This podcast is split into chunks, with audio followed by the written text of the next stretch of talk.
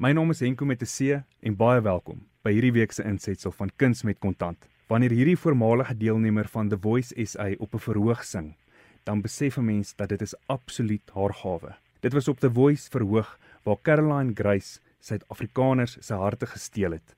En ek kuier vandag by die Bloemfontein se roos wat deesdae in George woon. Caroline Grace, baie welkom op Kuns met Kontant. Dankie Enko. Uiteindelik, ek het gehoor dis jou 60ste episode.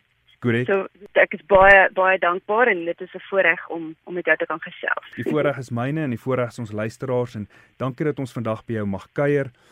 Caroline Grace, kom ek val met die deur in die huis. Jy was nog altyd van mening dat die destydse The Voice, toe jy vir dit ingeskryf het, dat jy dit nie gedoen het om beroemdheid na te jaag nie, maar vir die rede omdat jy graag musiek wou maak en natuurlik 'n platenmaatskappy kontrak in die proses graag wou loslaan. Het dit vir jou toe so gebeur en dink jy 'n mens kan geld maak uit musiek? Ja, dit het so gebeur vir my. Ek is bevoorreg dat ek dit kon doen. Ek het hard gewerk om daar te kom en dit was 'n baie moeilike kompetisie. Emosioneel moeilik, eintlik in alle opsigte moeilik, maar dit het my baie geleer en my baie ek was self groot gemaak vir die bedryf. Ek kom uit Bloemfontein uit waar ek eintlik baie beskermd groot gemaak is en weet almal wat jou musiek luister of nou jou shows toe kom, is jou ondersteuners en en hou van jou en het jou leer ken.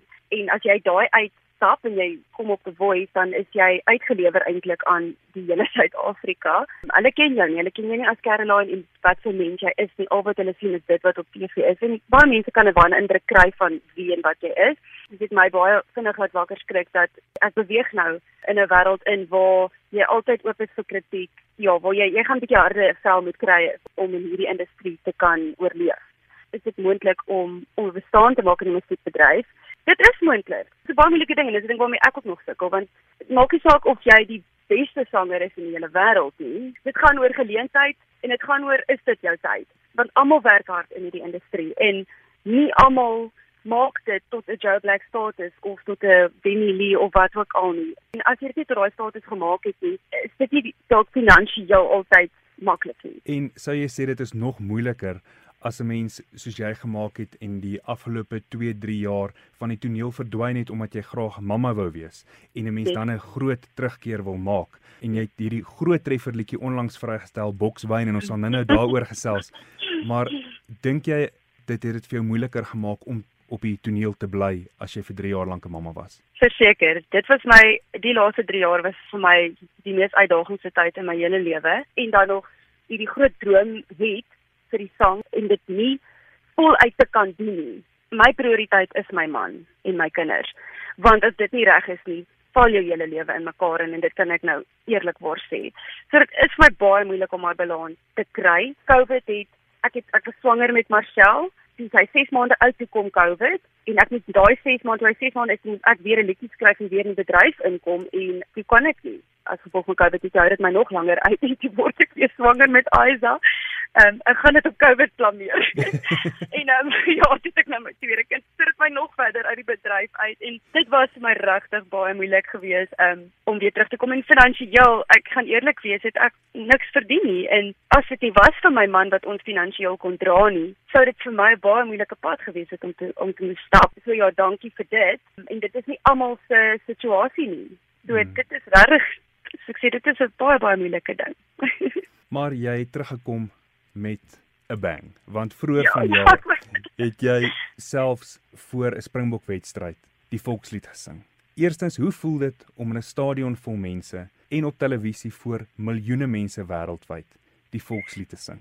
Sjoe, dit is ek ek elke keer probeer ek dit beskryf en sê ek net dit is te 'n groot oomblik om in te neem. Jy gaan met die emosies, jy is sommer net daar en jy sê dit is hoorie jy moet net jou bes te doen en van jou land eer waar jy staan en ook jou beroep want daar is soveel ander kunstenaars wat droom om hier te staan waar jy is. So jy moet dit justice doen. Maar jy het ook op 'n ouer ouderdom in jou lewe by The Voice uitgestap. En sou jy sê dat toe jy by hulle wegstap en die ligte gaan af en die gordyne sak. Mm. dat hulle jou tot 'n mate toegerus het van hoe om te kyk na jou platemaatskappy kontrak wat jy toe gekry het kort daarna.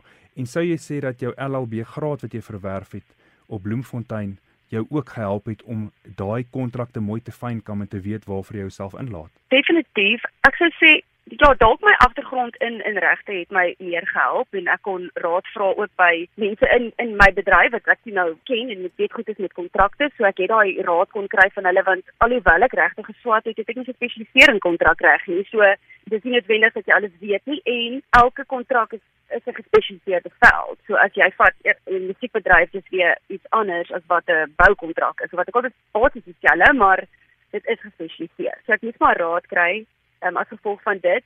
Ek sou nie sê The Voice kon so regtig fokus op verstaan dan nie 'n kursus gekry en hoe jy jou kontrak moet ontleed. Ek gaan eerlik wees, dit was nie vir ons geleer nie en mense het bietjie daar in die diep kant gevoel. So ja, dis hoekom jy maar raad moet kry van van ander mense, jy weet nie die regte ding. Is daar iets in jou lewe wat jy sou sê wat vir jou regtig waardevol is in die lewe? En ons kan gaan na jou gesin en jou familie toe en dan wil ek tog by jou hoor of daar dalk iets van aardse belang is of iets materialisties wat dalk selfs vir jou baie waardevol is. Ek dink as ek nou dalk moes waarde heg, sal dit my ouma se meubelstukke wees Goed. wat ek in my huis het, wat ek oorgedoen het en wat daar staan wat my herinner aan haar en aan my kleintyd wat ons het so 'n kas altyd 'n kas waarin sy al haar beeltjies en goedjies gesit het en my ma het dit ook in haar huis gehad en in haar beeltjies ingesit en ek het al daai beeltjies gekry en ek heg waarde aan dit want dit is my herinnering as kind waarmee ek gespeel het en dit is vir my mooi. Hmm. Dit daai het ek het al stoele wat ek oorgetrek het wat altyd in my kamer gestaan het um, by ons my my kinderreis en, en dit was vir my regtig dis my spesiaal en ek heg waarde aan dit. Ek is nuuskierig om by jou te hoor toe jy moes pendel tussen Osaka in Japan en Bloemfontein. En selfs jare daarna het Heinrich club rugby vir die Northampton Saints gespeel. Hmm in Engeland. Hoe was dit gewees om om tussen soveel plekke te moet pendel en 'n veilige hawe ergens tussen hierdie verskillende plekke te moet vind totdat jy nou jou tuiste op die ou en George gekry het? baie baie baie moeilik. Dit was dit was 'n moeilike tyd ook in my lewe gewees en vir hom ook. Ehm um, ek was baie keer, ek gaan eerlik wees, want dien ek 'n uh, vertoning en dan het ek my man se seker laas gesien en dan en ek is maar iemand ek is ek sê hy enetjie moeder enetjie dis maar my geaardheid en ek is so groot gemaak. En vir my was dit belangrik om my man te ondersteun in alles wat hy doen. En as hy by die huis kom is ek daai vrou wat sê hoorie wat se dag?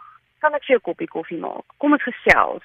Weet ek kort daai. Right dit gekort en en dit was net iewes skielik weg en ek meen ja, Osaka, ons is so ver van mekaar af. Dis nie soos Engeland waar jy vlieg môre en ek so 6 ure of 7 ure by jou en dis in dieselfde tydsone en al daai goeders nie. Japan, Japan was regtig baie moeilik geweest in my opsig. Baie lank ehm um, travel wat ons het gedoen het. Dit, dit was uitdagend geweest vir my met die voice music regtig vasbyt.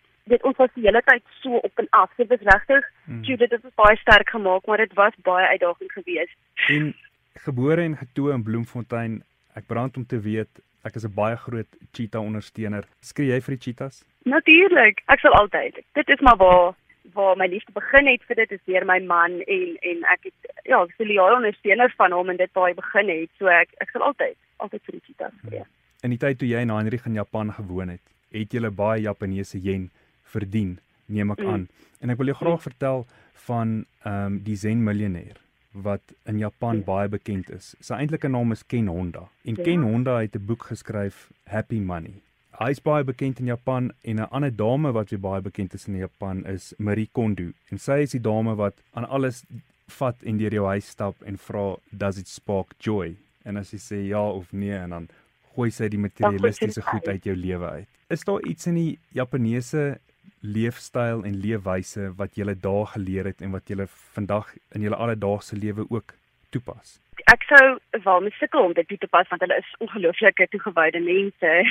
ja, hulle is net fenomenaal. Ek sou sê dis definitief respek. Hulle het 'n onmenslike respek vir mekaar en 'n waardering vir enige iets wat jy doen. Daar word nie neergesien op mekaar nie. Dit is regtig incredible om te sien dat iemand wat 'n straatvee of iemand wat iets doen wat iemand anders nou sal dink dalk benede hulle is. So dit is nie. Dit dit word alles met soveel trots gedoen want hulle sien die groter prentjie en en dit dit was vir my mooi.